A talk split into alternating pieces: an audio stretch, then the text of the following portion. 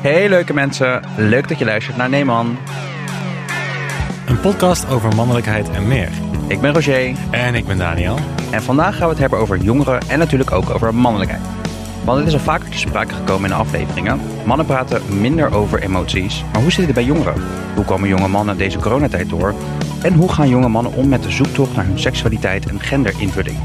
En dit doen wij met Jeroen Horvers. Jeroen Horvers is senior projectmedewerker jeugdparticipatie bij Save the Children Nederland. 's werelds grootste onafhankelijke kinderrechtenorganisatie, actief in 120 landen. En hij werkt daar voor het Binnenlandprogramma en doet daar het project Speaking Minds. Een mens die veel in aanraking komt met jongeren en ons daar veel over kan vertellen. Jeroen, welkom. Dankjewel. Hoe is het? Ja, gaat goed, gaat goed. Nou, duidelijk. Oké, duidelijk. Ehm, we gaan straks hebben over jonge, jongeren en mannelijkheid. Maar eerst beginnen we altijd met de vraag der vragen. Liep jouw gender op rolletjes? Rocher bijt de spits af. Ehm, mijn, of mijn gender op rolletjes liep. Ja, ik ben eh, van de week toch wel weer in een beetje de traditionele mannelijkheidsrol ingeslipt zonder dat ik het door had. Namelijk boosheid en agressie en uh, schelden. Toen ik mijn... Heb je een muur ingeslagen? Nee, ik was mijn kerstboom aan het optuigen. Oké. En daar word ik heel chagrijnig van. Want het is gewoon een klein beetje lang verhaal. Maar ik heb dit jaar, ik ben langzaam niet zo'n kerstmispersoon geworden. Ik kwam vorig jaar had ik tijdens kerstmis ook corona en zo. En ik had er echt niet zo'n, uh, dit jaar niet zo zin in. Maar ik dacht aan mezelf, laat ik het toch proberen. Laat ik toch er iets leuks van maken. Dus ik heb mijn, ik mijn kerstboom uit uh, de berging gehaald. Mag ik even vragen? Oh, Ja. je hebt me uit de berging gehaald. Dus jij bent, jij bent een kunstboompersoon. Ik ben een kunstboompersoon. En Hmm. daar, maar ik vind een kunstboom, die heb ik al jaren. Mhm. En in dat opzicht dacht ik, ja, dat is misschien wel beter dan elk jaar een boom kappen en dood laten gaan. Maar goed, ja, ik, weet, ik heb me er ook verder niet in Er verdiept. zijn discussies over, over de duurzaamheid. Oké, Ja. nou ja, maar ga- dat, mea, mea culpa. Ehm, maar ja, die boom eh, was eh, dus eh, kapot gegaan. Ehm, ze konden standaard niet vinden, dus die boom viel om.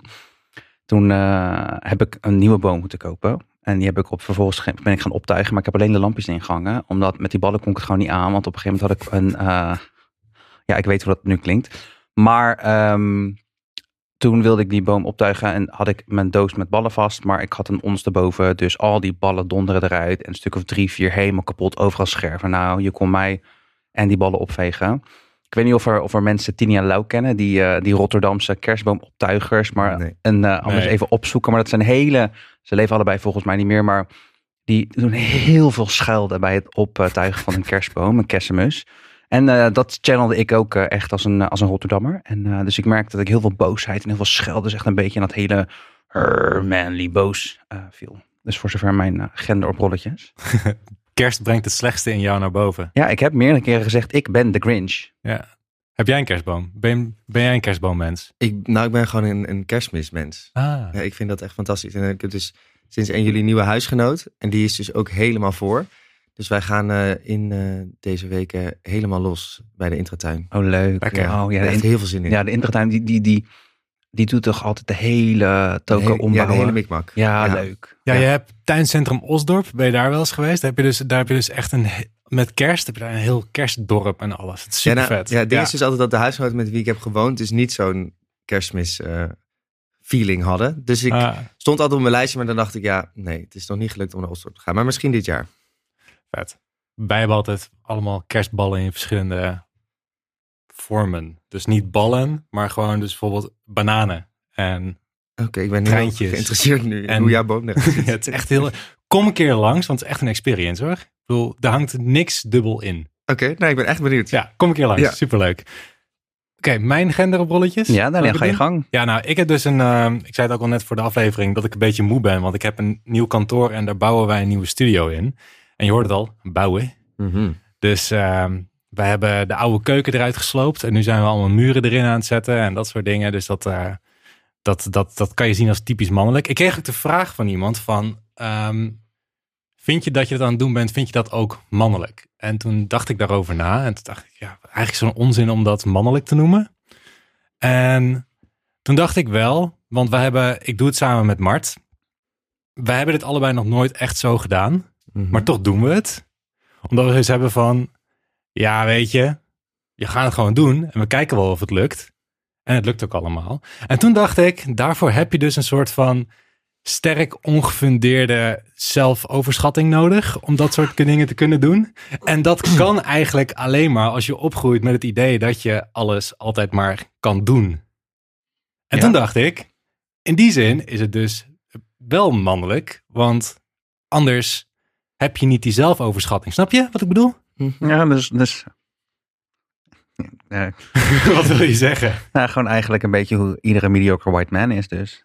Ja, die, zelfoverschatting. Ja, ik heb ook. Ja, ik heb, ik heb gewoon mijn hele leven lang nooit last gehad van enige vorm van onderdrukking. Of zeggen dat ik iets. Ik kan alles gewoon altijd gewoon maar doen. En dat zie je nu ook terug in het klussen. Ik doe het gewoon.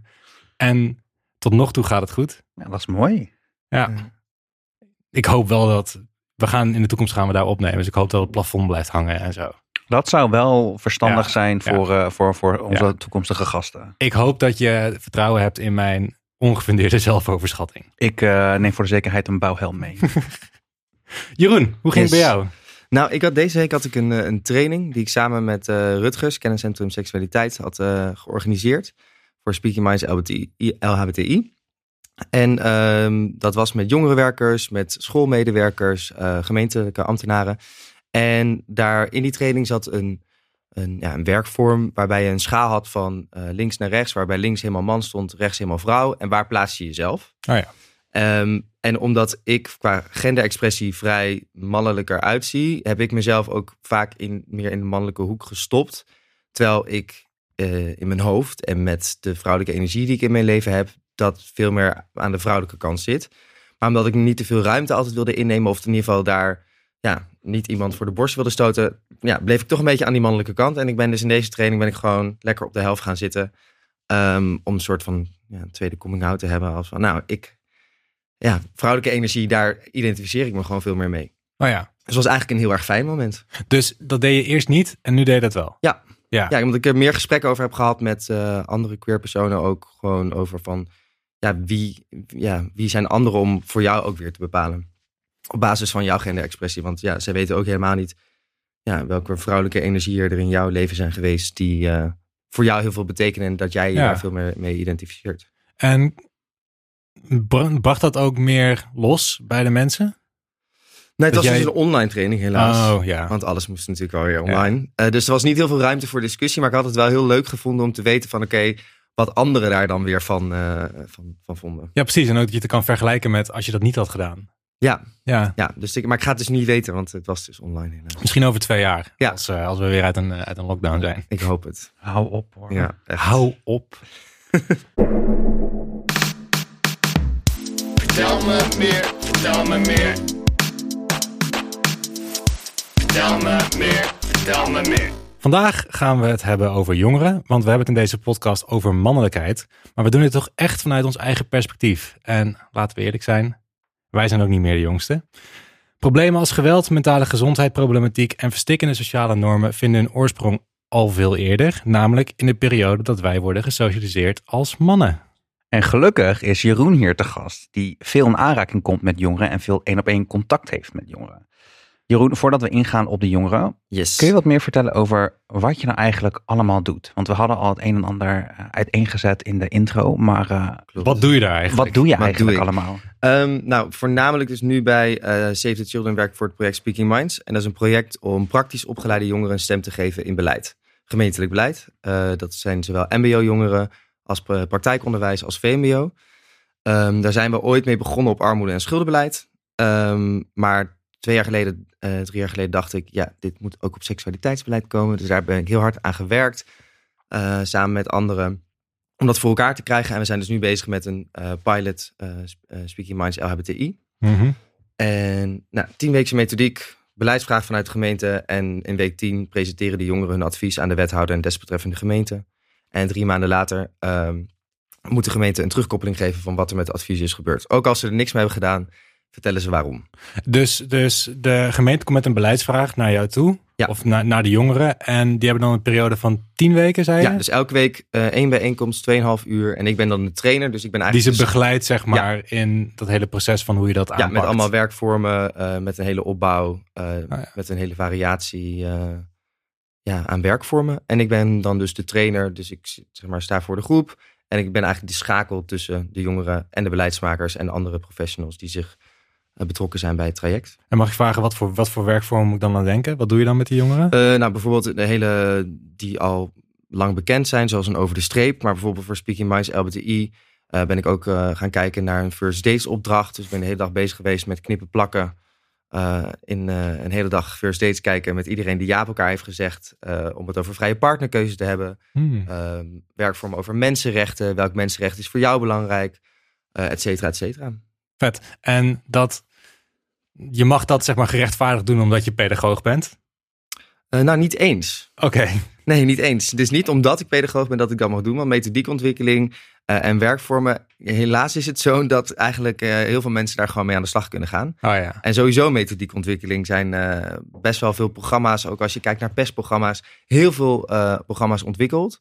Maar weten we helemaal, va- helemaal vaak niet of het effectief is. Mhm. Ehm, maar we zien gewoon wel vaak in dit, in dit eh, ja, gebied dat als er ergens subsidie is, dan komen er mensen en die gaan methodieken ontwikkelen, maar we weten helemaal niet of het effectief is. Oh ja. En hoe, hoe meet jij dan van jouw methodieken of die effectief zijn of niet? Ja, nou, ik ben dus negen jaar geleden begonnen met... Zelfoverschatting. Nee, nee, nee, nee, dat niet. Ik ben juist veel te bescheiden geweest, kwam ik achter. Oké. Eh, dus negen jaar geleden be- begonnen met eh, voorlichting geven over LBTI.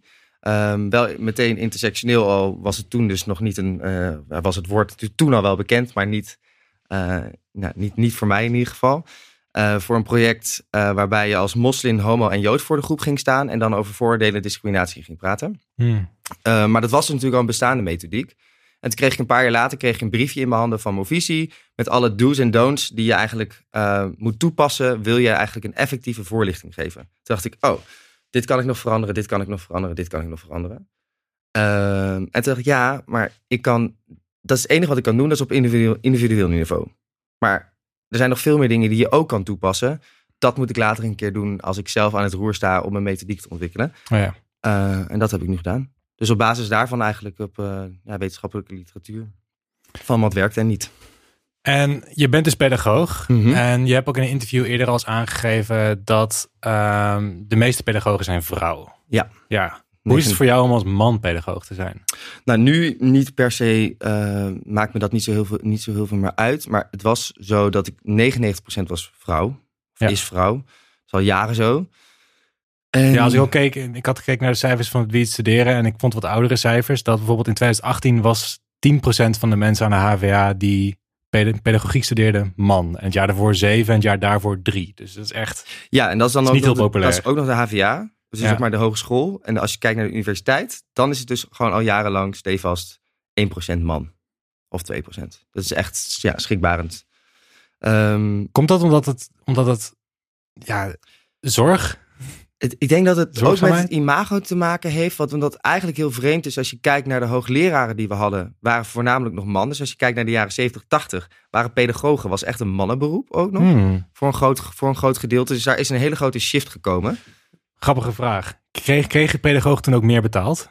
Geen idee. Daar heb ik eigenlijk nooit naar gekeken. Maar daar, zou ik nu pas na- naar moeten kijken. Want ik heb me nooit zo met geld bezig gehouden eigenlijk. Ja. Ja, nee, dat weet ik niet. Ik Want, weet, va- want vaak zie je dat vrouwenberoepen slechter worden betaald. Dus normaal als het meer als een vrouwenberoep werd gezien. dit is een Dus waarschijnlijk is, de prij- is ook de salarisvergoeding ook omlaag gegaan. Ik ga het na deze Ja, podcast ik ben, ga ik ik dit ben opzoeken. benieuwd hiernaar. Ja. Oh ja, en toen begon ik, eh, toen ik ging studeren. En dat was ook wel een beetje het ding. Het heeft een imago ook het grijze muisjes imago. Dus de Hmm. meiden die erop zitten, eh, dat die veelal een beetje grijze muis zijn. Nou, dat eh, ja, vooroordelen kloppen niet altijd, soms wel. Voor mij, dat vond ik ook lastig. Dat ik ben vrij uitgesproken en wat meer extravert.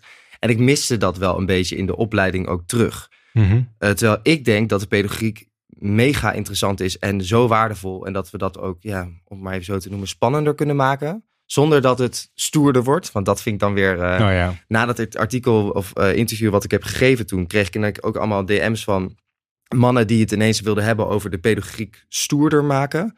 En nou ja, dat vond dan, dan maak weer. je, dan maak je het aantrekkelijker voor mannen of Ja. zo. Terwijl Ja. ik dan denk, volgens mij gaat het niet over stoerder, maar gewoon dat we het, ja, de pedagogiek gewoon überhaupt gewoon professionaliseren en beter Ja. maken. En dat het gewoon voor iedereen aantrekkelijker wordt. En ook wel interessant dat heel vaak die type mensen stoer als synoniem zien met masculiner. Exact. Want ik bedoel, wat, wat is stoer eigenlijk? Ja, ja om, de- om die er even in te gooien. Een zeg- keuken Ja. slopen uit je kantoor. Nee, Ja. precies. maar, Maar, die ik, heb ik ook meteen teruggegooid. Ja, nee, ja, nice. ja, goeie. Nou ja, dus dat was wel eh, in mijn eerste jaar. eh, en wat, dat is ene, maar dat is, ik weet niet of dat met man zijn te maken had. Ik kom uit Nijmegen en ik ging ook in Nijmegen studeren in het eerste jaar. En eh, nou, er kwamen heel veel dames uit eh, de verschillende provincies rondom Nijmegen, dus Noord-Brabant, eh nou, Overijssel, Limburg, naar Nijmegen toe. En die zagen Nijmegen natuurlijk ook best wel als iets meer als een wereldstad. En ik woonde daar al mijn hele leven. Mhm. En dan was ik ook nog, zeg maar, en de enige man, ook nog gay. Dus toen werd ik ook een beetje soort van geëxotiseerd van, dan heb Ja. je ook nog de enige homo die dan iedereen wist wie ik was. En dat je dan ook denkt, oh, hier heb ik helemaal geen zin in. Nee. Dus toen ben ik echt na een jaar meteen naar Amsterdam gegaan. En ik dacht, ik ben hier weg. Mhm. Ehm, ja. Want grappig dat je dat zegt, want in dat interview heb je ook aangegeven dat het eigenlijk ook weinig vragen zou oproepen als een homoman eh pedagogiek studeert, maar voor een heteroman wel heel veel vragen. Maar dat ervaarde je in Nijmegen dus niet.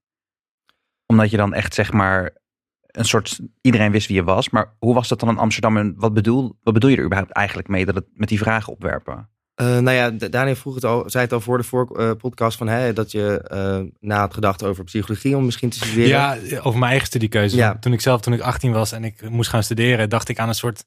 De enige opties die in mijn hoofd opkwamen waren eigenlijk economie en bedrijfskunde of rechten. En dat zijn van die typische, en ook wel met het idee van maatschappelijke carrière. Je kan carrière gaan maken, je kan geld ermee gaan verdienen. En dingen als pedagogiek, ja, die schreef ik gewoon, dat ging er meteen aan de kant. Dat is totaal niet interessant. Ja. ja, en voor mij is het dus zo, en dat vind ik het, interessante. eh, ik zie dan het zo dat jij dan een beetje ge- gevangen zat in die mannelijkheid. En omdat ik Oh ja, vrij ben, omdat ik zit toch gewoon in het hokje homo. Dus als ik naar Justin Bieber luister, het maakt niet uit. Ik doe pedagogiek. Ik ben vrij om, te- want ik, is toch de stempel eigenlijk meer een bevestiging van, oh ja, dat is die homo die pedagogiek gaat Ja. doen. Eh, dus daardoor was ik ook wel, denk ik, meer vrij in het kiezen. Ja. Ehm, Ja, het is grappig dat je dat zegt, want we hebben daar in, volgens mij in minimaal één of twee afleveringen eerder al over gehad. Dat dat eigenlijk, dat, dat, dat mensen als jij en ik, als, als queer zijnde, al, we worden toch als devianten neergezet en daardoor dus al meer vrijheid ervaren, omdat we ook al ons losgekoppeld hebben van de middelmatigheid van heteronormativiteit en die verwachtingen daaraan. ja, Dus precies wat jij zegt, van, ja, ik, ben, ik ben, was toch al gay, dan kan ik net zo goed alles doen wat ik wil. Omdat er Ja. mensen toch al hebben geen verwachtingen meer van mij, want ik ben al weggezet als... Ja, je zit toch al in dat, in dat, Ja, in dat inderdaad. Terwijl voor mij was het meer als, als, als cis-hetero man. Dat ik zoiets had van, ik mag alles doen wat ik wil. Ik heb complete vrijheid als het past binnen het hokje van de manbox. Ja. Ja, exact. Ja, Ja, nee, dus en ik, kijk, ik denk dat uiteindelijk, toen had ik daar wat minder moeite mee. Nu zou ik daar weer meer moeite mee hebben. Want ik dan denk van, ja, eh, waarom plaats je me zo makkelijk in dat hokje? Mhm. Ehm, en ik denk dat ik me toen ook wel, ja, was toen ook net uit de kast of zo. Dus dat je daar iets makkelijker mee omgaat op dat moment. Want ook toen ik jou hoorde zeggen over eh, verbouwen, ik heb me ook lange tijd gewoon een beetje verschuild achter, ja, ik ben niet zo, niet zo handig, la la la. En dacht ik, ja, je stopt me toch wel in een hokje. Terwijl eigenlijk was ik gewoon lui. Ik hoor mezelf hier praten, dus Ja. ik vind het best wel confronterend om dit zo te Ja, horen. terwijl nu, ik vind het dus, merk dus dat ik het eigenlijk heel leuk vind om wel helemaal bezig te zijn. Laatst de hele woonkamer ver- ver- verbouwd en eh, alles geverfd, geschuurd, weet ik het allemaal wat, en gezaagd. Superleuk toch? Hartstikke leuk. En dan denk ik, waarom heb ik me zo lang verschuild achter mijn eigen seksualiteit of als, als excuus gebruikt om... eh, Ja. Zoals Daniel Koerhuis zou zeggen, bouwen, bouwen, bouwen. Het, ja, nou, maar het is gewoon nog één ding over klussen. Het vette eraan is, als je het volledig zelf doet, is, het klinkt heel zweverig, maar de ruimte gaat jouw energie weergeven. Omdat je zoveel energie erin gestoken hebt. Nee, ik vind het helemaal niet zweverig. Want eh, ik heb het ook. Je hebt met, het gaat zo'n proces. Het is zo'n reis die je maakt. Met, ja, ik weet niet. En dan heb je het resultaat en denk je: yes. Ja, heb ik en- gewoon gedaan. Ja, en ik heb hem juist, ik heb ooit een keer voor eh, een- project met een aantal andere mensen een hele schuur moeten bouwen voor een eh, wijkcentrum. Mhm. En ik had toen, zeg maar, daarvoor dacht ik echt, eh, en toen ik eenmaal bezig was en daarna dacht ik echt, ah wauw, weet je wel. En ik, ik heb juist, voor mij is het om van niets naar iets te gaan. Creatie vind ik, vind ik fantastisch, om iets te kunnen creëren. Iets wat er eerst niet was en daarna wel. Sorry, ik zie elke morgen voor me hoe jij dan vol trots je havermout gemaakt hebt. Er was niks. En nu is de havermout. Ik eet geen havermout. Oké, Ehm, laten we even teruggaan naar het onderwerp Ja, weer. Hè? ja, ja, ja, ja. Ja. Ehm, Oké, jij geeft dus heel veel, veel voorlichtingen. Mhm. Ehm, merk je ook dat daar ehm, vragen of, of zeg maar, merk je dat mannelijkheid ook daar ter discussie staat? Sowieso. Ik denk zo, ja, dat eh, een homo in de ruimte of iemand die niet binnen de heteronorm valt, sowieso als een bedreiging wordt, wordt gevoeld. Dus Mhm. bij heel veel voorlichtingen kom je niet meteen uit de, uit de kast, als het ware. Dus je gaat niet meteen je identiteit vertellen. Voel je dan ook een onveiligheid? Eh, nou, kijk, ik heb het nu zo vaak gedaan, weet ik veel, 200, 300 klassen, dat ik ben wel, ja, heb eigenlijk alles wel gezien en meegemaakt. Van tot geen hand willen geven nadat ze het weten, tot uitschelden op de gangen, tot, nou ja, gewoon heftige situaties. Ehm, dat ik heel erg heb geleerd om het professioneel in te zetten. Dus hoe krom het misschien ook klinkt, maar als ik een, klas, een, een klas instap, eh, dan voel ik me, ondanks wat er gebeurt en het misschien erger zou zijn dan wat er op straat gebeurt, ik ben voorbereid. Ik weet wat er kan gebeuren. Ik ken ongeveer alle scenario's, misschien met, met, net met een kleine nuance. Terwijl op straat eh, of andere pub- publieke ruimtes, ehm, weet je, je weet gewoon niet wat er gaat gebeuren, want je kent het niet. En ik kan het nu professioneel inzetten. Betekent niet dat het me niet meer raakt als het gebeurt. Maar ik kan het inzetten. Ik kan letterlijk, eh, dat heb ik heel erg geleerd, tegen iemand zeggen als ze, als ze echt, iets, echt iets pijnlijks zeggen. Dat diegene aankijkt, recht in de ogen en zegt, dit doet mij pijn. Ehm, wat dan dus, ja, op een professionele wijze doe ik dat. Maar het komt wel aan, want het komt wel uit mijn hart. Ja. En, en hoe ga je er dan mee om als je de, het klaslokaal weer uitstapt? Dus zeg maar eigenlijk, hoe ik hem hoor, is dat je een soort van panzer op aandoet, als het ware. Ehm, om het meer, zeg maar, hoe dan ook, daar bespreekbaar te houden en erover te hebben. En je geeft wel aan, als het gebeurt, aan die persoon dat het je raakt. Maar wat doe je als het klaslokaal weer uitstapt? Ne- ne- neem je die dingen mee? Of hoe ga je hiermee om?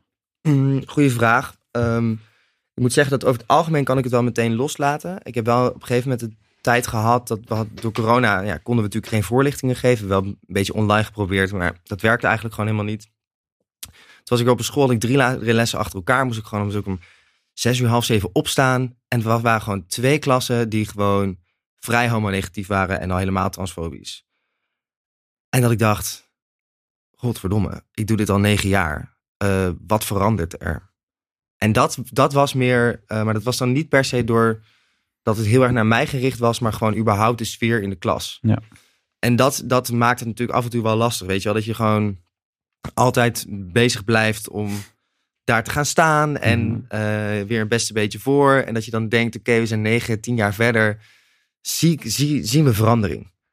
En dat, dat vind ik af en toe lastig. Ehm, gelukkig had ik toen een week daarna een klas waar ineens helemaal dat ik dacht, oh my god, dit is de nieuwe generatie. Die bestaat ook. Ja, want hier wil ik dus op. Dit, dit, hier had het ook over toen we deze aflevering voorbereiden. Is dat ik dus het idee heb dat deze.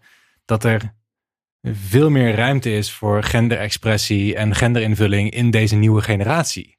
Ja, maar, dat het ook misschien een, dat ook misschien een bubbelding is. In een bubbel Ja, nou dat denk ik vooral. Ik denk dat er echt een tweedeling is tussen een generatie die opgroeit met waarbij non-binair en weet ik het, alle termen al zo duidelijk zijn dat ze zich niet eens meer dat hokje willen. Dus dat Mhm. ze gewoon, het was super tof, was een voorlichting waarbij er gewoon een, een kringgesprek was. En uiteindelijk eh, gebruikten ze hun queerness als argument als het ter sprake kwam. Dus, en dan zeiden ze niet eens welk label het was. Ze zeiden ze gewoon, ik ben queer, dus daarom is het relevant voor mijn argument. Even kort gezegd. En dan, dat was het. Het was niet, zeg maar, het, waar ik in mijn jeugd heel erg bezig was met oh, homo dit, homo dat. En, en dat je het echt meer als identiteit ook meer zag of zo. Mhm. En dat zij daar al veel verder waren. En dat op het einde meer was van, nou, wat had je anders gewild? Ja, ik had het wel fijn gevonden dat we iedereen's pronouns hadden gevraagd. Want dan had ik eh, gewoon geweten eh, ja, hoe ik iedereen had moeten aanspreken. Want nu is uit deze les iedereen tussendoor een beetje uit de kast gekomen. Maar ik weet helemaal niet iedereen's pronouns. En toen dacht ik, oh, dit is interessant. Ja, toen ik als tiener ging het niet eens over pronouns. Nee, exact. Nee. Maar ja, dus daarom zie ik, ik zie wel echt een tweedeling. Dus ik zie eh, een generatie die echt opgroeit. Ook eh, witte queer jongeren bijvoorbeeld. Die echt intersectionaliteit ook helemaal begrijpen en toepassen. Waarvan ik denk, yes. Die kunnen een hele grote rol gaan spelen in de antiracismebeweging ook. Om dat nog veel verder te, ja, eh, ja, te, sto- te, sto- te stomen door de samenleving. Maar ook dus nog een grote, grote groep die opgroeit. Waarbij eh, homofobie en transfobie gewoon zo genormaliseerd is. Ja. En dat baart me wel zorgen. En ehm, we, we hadden het over die tweedeling. En enerzijds hebben we het dan over die bubbel gehad en over die witte queer jongeren bij wie het helemaal is. Maar tegelijkertijd, als we ook kijken naar de afgelopen anderhalf, twee jaar. Zeker met corona al de maatregelen en zo zie je ook wel dat er ook veel geweld opkomt. Zeker als je kijkt bijvoorbeeld naar die rellen in Rotterdam en de steden ervoor. En natuurlijk ook de avondklokrellen. Waar toch wel ook best wel wat jongeren op afkomen. Ja. ehm, laat, ik- laat ik hem eerst anders zetten. In hoeverre merk jij dat corona een effect heeft op de mentale gezondheid van jonge mannen slash jongeren? Ehm, nou, ik zit dus nu toevallig, heb ik dus gisteren, nee, eergisteren dus een groep mbo-studenten gehad. Was wel onderwijsstudenten kinderopvang. Nou, de, mm, de meerderheid is vrouw. Ehm, en tweedejaars. En ik ben echt enorm geschrokken van hoeveel invloed corona heeft gehad op de eenzaamheid van deze jongeren. Dat is echt bizar. We hebben dus een over de streep gedaan. En de verhalen die naar boven kwamen, is ja, ze hebben natuurlijk gewoon hun hele eerste jaar hebben ze online, online gehad. En ook meiden die zeiden van ja, ik, eh, ik dacht altijd dat ik een heel leuk leven had. En toen was het ineens corona.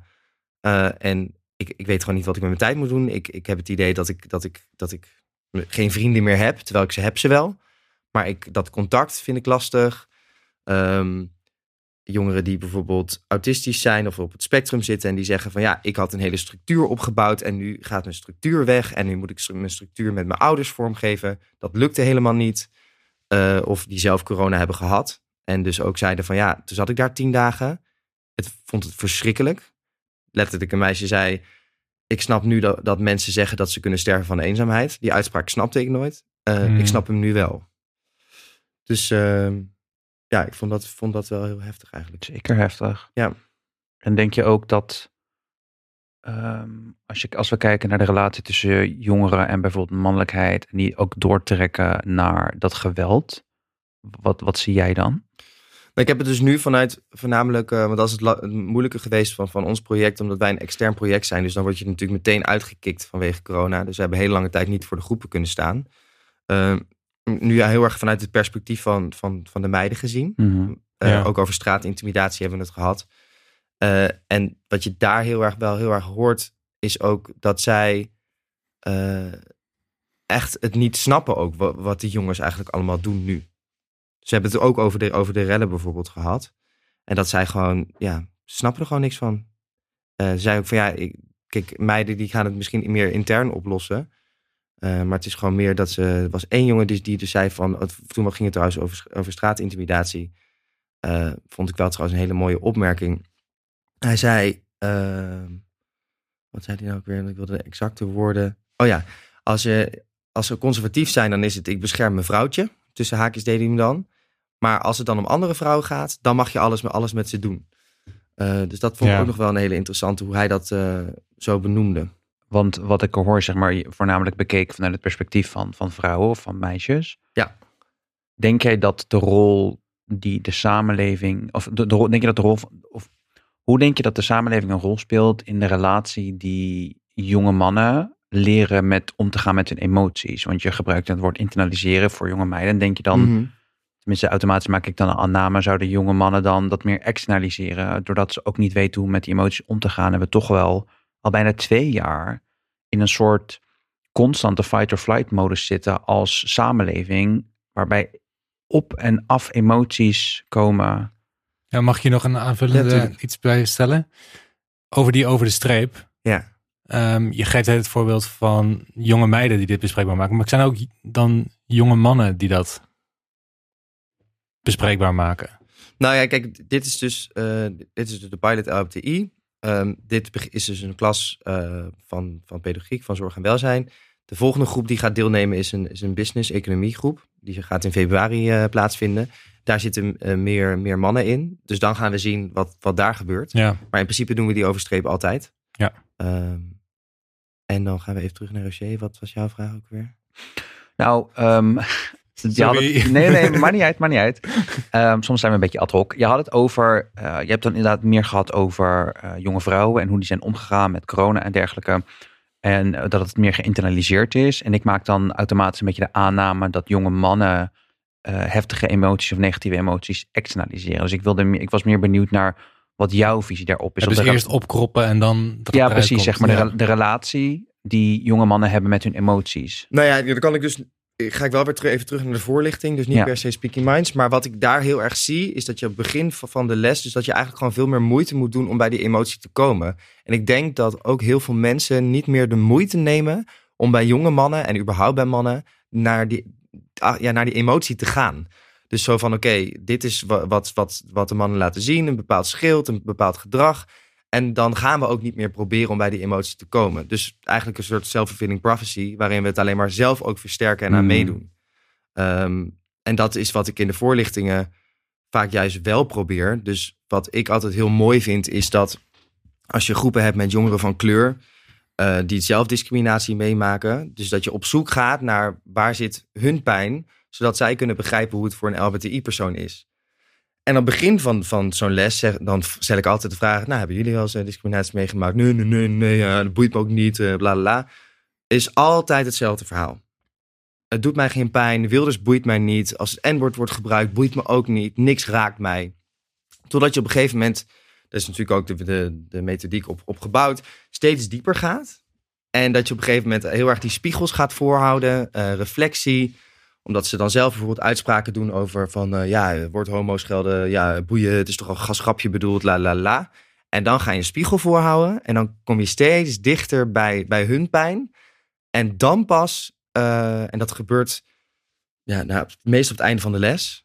En ja, dan pas kun je daar echt bij die emotie komen. Maar ik denk dat we gewoon heel vaak niet eens meer proberen bij die emotie Nee. te komen. En Ja. hoe, hoe zie jij ze dan bijvoorbeeld weggaan uit zo'n les? Als je in ieder geval bij, bij, bij de jongeren dan eindelijk tot die emotie bent gekomen. Wat, wat, wat zie je dan gebeuren bij hun? Nou ja, kijk, ik ken die jongeren niet, natuurlijk niet zo goed. Dus wat, dat hoor je meestal ook terug van de docenten. Wat ik in veel lessen heb gehad, is dat er dan een jongen bijvoorbeeld opstaat en zegt van... Wow, sorry dat ik heb gezegd eh, op het begin dat eh, homo's eigenlijk niet oké zijn of zo. Eh, ik zie dat nu in, maar ik kende eigenlijk geen homo. En jij bent eigenlijk heel chill en nou, weet je, op die manier. Eh, maar ook eh, jongens die naar me toe komen en zeggen van... hey, bedankt dat je deze les hebt mogen geven. Ik heb ook bij mijn pijn kunnen komen.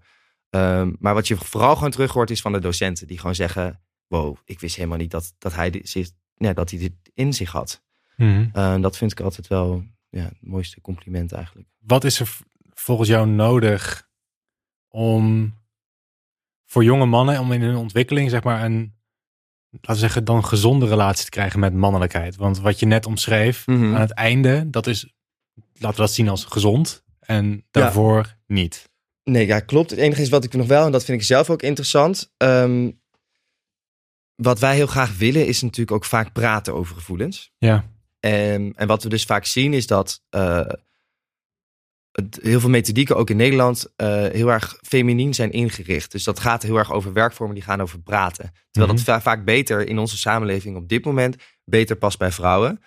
En dat masculien eh, oefeningen, dus dat veel meer is van nou, je gaat vissen en ondertussen praat je, om maar even Ja. heel basic te zeggen. Maar dat we daar heel erg weinig werkvormen voor hebben. Dus dat we eigenlijk heel veel op die feminine lijn doorgaan.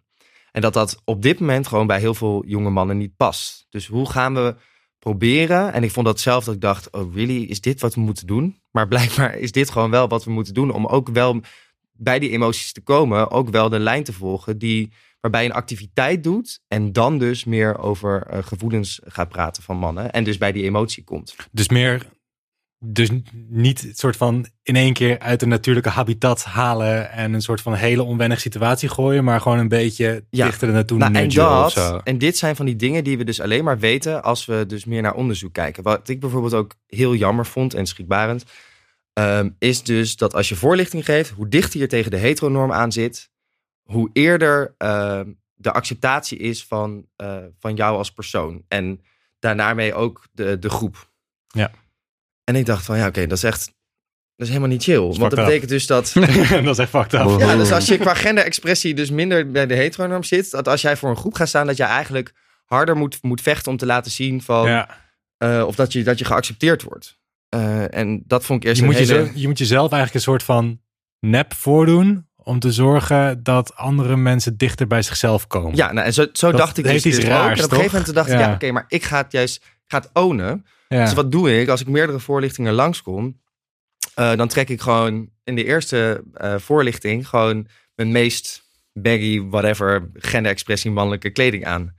Om dan in een volgende eh, voorlichting juist meer met een veel strakker shirt en weet ik veel wat, veel meer met kleur, et cetera, te, komen. Zodat je daar ook mee speelt.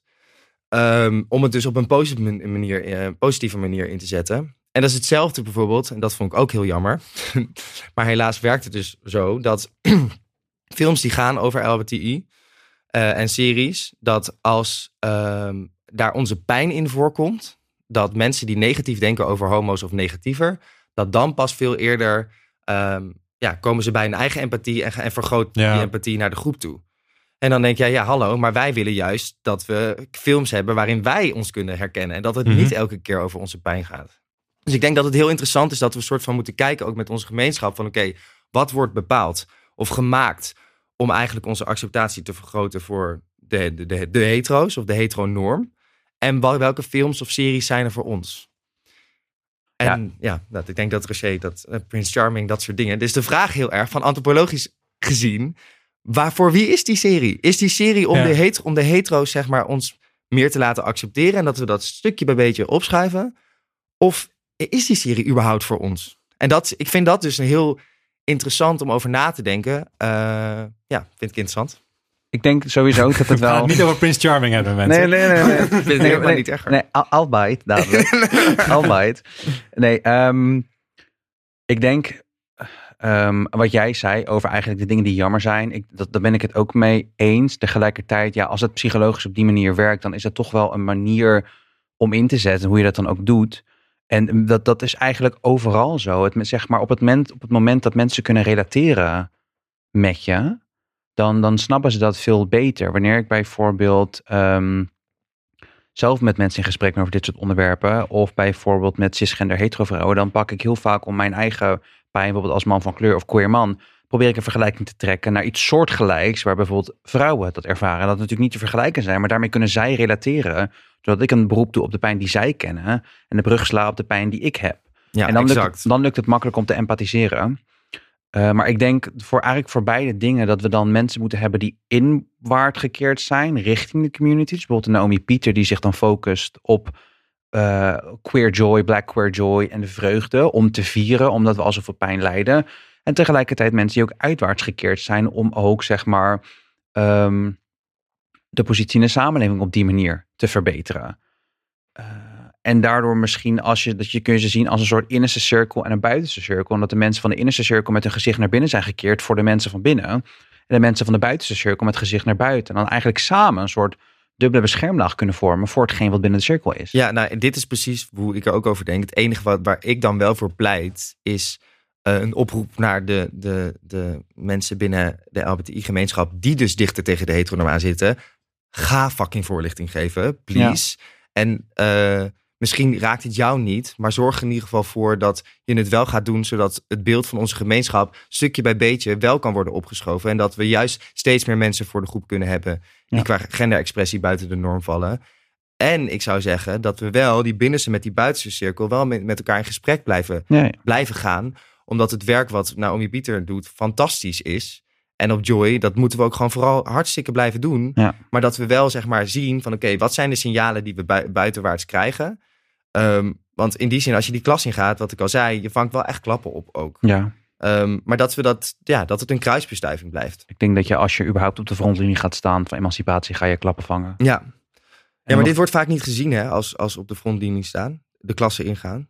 Dat, is, dat vind ik heel, heel jammer van de mensen die dat niet zo zien. Want dat is het zeker wel. Ik bedoel, ik denk dat het misschien eh, wellicht iets is wat niet per se op de korte termijn benefits of eh, de, de, de- dat je ervan de vruchten plukt. Maar Ja. zeker op de langere termijn. Dit is een eh, hele duurzame investering in de volgende generatie. Nee, Ja. ja, ik ben het natuurlijk mee eens. Ja. Maar, Wat ik zo interessant vind, zou een hetero man die dichter tegen de queer norm aan zit, deze voorlichting kunnen geven? ja, zeker. We hebben juist eigenlijk nodig dat we een queer persoon met een straight ally voor de groep hebben staan. Omdat jongeren kunnen zich sowieso herkennen in de straight persoon. Ja. Maar wat ik heel belangrijk eh, vind om te zeggen dus nog, is dat het dus heel erg handig is, of juist heel bruikbaar is als er een, een, een straight persoon ernaast staat en eigenlijk laat zien, ik ben straight en ik accepteer LBTI. Omdat zij herkennen zich in, in, in, in hetero zijn en dan nemen ze dus eerder iets van je aan.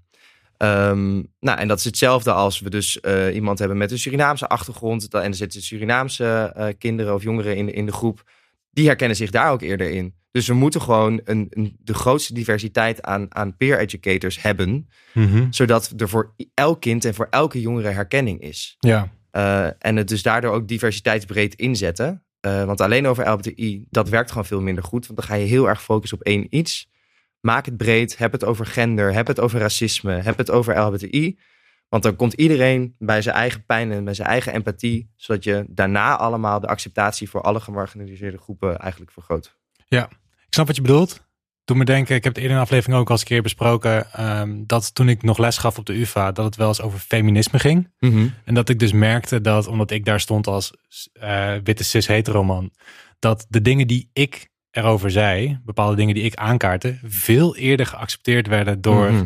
witte mannen dan wanneer vrouwen het hadden gezegd. Maar welk het probleem wat ik daar dan wel mee heb, is dat van ik ga dan dingen zeggen die ik dan zelf ook geleerd heb en eventueel geobserveerd heb, maar niet ooit gevoeld heb. Snap je wat ik bedoel? Ja, nee, ik dus je spreekt niet je uit ervaring. En ik heb dat toch, ik vind dat toch ergens, vind ik dat toch wel lastig. Maar ik zie dat positie- meer als je privilege gebruiken om dus op dat moment het meeste invloed, invloed uit te oefenen. Doe jij pronkt er vervolgens niet mee. Kijk, misschien is dan een UvA-zaal net iets anders. Maar als ik, eh, mijn privilege is, is dat ik dus vrij dicht tegen de heteronorm aan zit. Dus wat kan ik doen? Ik kan in mijn voorlichting kan ik zeggen, oké, trans mensen eh, zijn trans, zijn trans. Punt. En dan gaan we geen, eh, geen discussie over, over voeren of ja, het zeggen dat het is omgebouwd of wat dan ook. Dan kan ik hun corrigeren omdat ze dat van mij aannemen. Ja. Dat privilege heb ik op dat moment, dus maak er gebruik van. Ja, oké. Want dat, zeg maar, trans zijn is niet mijn ervaring, maar kan wel mijn ervaring gebruiken om hun acceptatie te vergroten.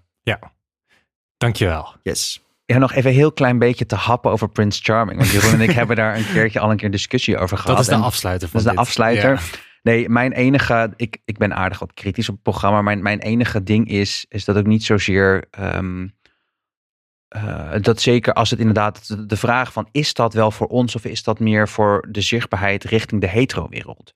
En daar ben ik het ook wel mee eens. Dat is een hele belangrijke vraag. Maar mijn probleem ligt in het feit dat bij seizoen 1 en seizoen 2 wel gepretendeerd wordt dat het een progressief, dat het progressieve zichtbaarheid is voor de hele LGBT-community. En daar, daar ligt mijn probleempunt. Dat is wat beide Prince Charmings in interviews hebben gezegd. En zeker Prince Charming van seizoen 2, die hebben vervolgens mensen die kritisch zijn als weggezet als fel en belerend. Ja, maar daar ben ik het volledig met je eens. Dus ja, Nee, nee, het doel en ook in de herkenning, niet alleen qua, qua uiterlijk, hè, maar ook met, met de, de banen die ze hebben. Ja. Please, eh, mogen we alsjeblieft ook een paar keer gewoon een gay mannen hebben, of hoe ze ook zich identificeren binnen Prince Charming, die maatschappelijke dingen doen. Ja. Want dat valt zo vies tegen. En dan denk Ja. ik, oké, maar dat is ook een beeld wat we dan bevestigen. Dat er weer iemand eh lipfillers eh, eh, kliniek heeft of een pro- projectontwikkelaar. ja. Ja. Ehm, ja, laten we de diversiteit in alles zien. En niet alleen Nee, qua lichamen, maar Nee, ook de banen ja, die ze nee, hebben. agree. Ja, man. Nee, man. Ja, man. Nee, man. In de rubriek Ja man, nee man noemen wij dingen die ons zijn opgevallen in het nieuws. Een tippie of iets anders leuks of super stoms. Ja, Nou, en ik heb weer de, ik heb weer eh, de privilege om de te mogen doen. Ik mag elke keer iets positiefs doen. Ja. Dat is leuk. Ehm, in de jaarman deze week een boekentip, of meer specifiek een pamflettip. Namelijk Vak Gender, geschreven door Mandy Wolkens en Toorn de Vries. En dat is vak met F-A-Q. In dit pamflet beantwoorden zij alle vragen rond het non-binair zijn. Welke voornaamwoorden dien je bijvoorbeeld te gebruiken? Hoe maak je je bedrijf inclusiever? En raak je once and for all dat binaire gedoe kwijt, waar we al zo lang in vastzitten? Dit soort herkenbare vragen en nog veel meer worden besproken en beantwoord in dit boek. Dus gaat het lezen, zou ik zeggen. Ja, hij ligt op mijn plank. Nice. En ik heb de Neeman eh, weer, eh, dus eh kom mooi met mijn imago. Pas, dat ik, pas wel goed bij jou. Gewoon ja, even- precies. even- even ja, precies. Mijn zure sloot zijnde. Ehm, nee, mijn, mijn Neeman gaat, heeft te maken met Suriname. Want op 25 november was het het 46-jarige onafhankelijkheid. Ehm, wat ook wel, gewoon- waarbij je dan zegt, one sweet is evidentie. En iets waar ik aandacht voor wil vragen, dat is wel, speelt er wel langer, maar dat gaat eigenlijk over het AOW-gat van de Surinaamse bevolking in Nederland. Want meer dan 30.000 ouderen die voor 1975 in Suriname woonden, krijgen minder AOW, omdat Suriname, ook al was het een onderdeel eh, van het Koninkrijk der Nederlanden, de sociale zekerheid zelf moest regelen, maar dat dus niet deed. De Raad van State adviseert de minister om deze mensen niet te compenseren, omdat het juridisch niet hoeft. En omdat dat precedenten schept en grote financiële gevolgen kan hebben, zogenaamd. Eh, de, definitief- de definitieve beslissing ligt bij, het, bij een volgend kabinet. En ik weet wel volgens mij dat Savannah Simons van bij 1 daar ook afgelopen week een motie over heeft verdiend. Maar dat weet ik niet zeker. Dat kan ik sowieso nog eventjes in de show notes zetten. Uh, maar dit is dus eigenlijk uh, het befaamde of beruchte AOW-gat... waar een heel groot deel, of in ieder geval een best wel aanzienlijk deel... van Surinaamse ouderen in zitten. En daar ben ik een beetje chagrijnig van. Ja, politiek doe iets eraan. Ja, maar dat gaan ze sowieso toch niet doen. Ja. Bedenk me nu trouwens weer, dat hebben we al eerder wel eens besproken. We beginnen altijd met de ja-man en dan eindigen we daarna met de nee-man. Dat we altijd negatief eindigen. Gaan we de volgende keer gaan we dat goed doen. Ja, maar weet je waardoor dat ook komt? Omdat ons deuntje begint ook met ja man, nee man. Ja. Zo gaat het door. Dus op een gegeven moment moet je ook je hele deuntje gaan editen. Nee, gaan we niet doen. Oké, okay, dus okay. we gaan het gewoon lekker zoals ja. het is. Dit was aflevering 7 van seizoen 2 van Neeman. Jeroen, hartelijk dank dat je er was. Roger, jij ook hartstikke bedankt dat je er was. Daniel, jij ook bedankt dat jij er weer was. Nou, wat leuk. De cirkel is weer rond. Lucas de Gier, thanks voor de jingles. En uh, vond je ons leuk, deze aflevering leuk? Vond je Jeroen leuk? Geef ons sterren op iTunes. Deel het op de socials en schreeuw het van de daken. En zoals gewoonlijk, vergeet ons ook niet te volgen op Instagram, Neeman de podcast. Doei. Dag. Dag.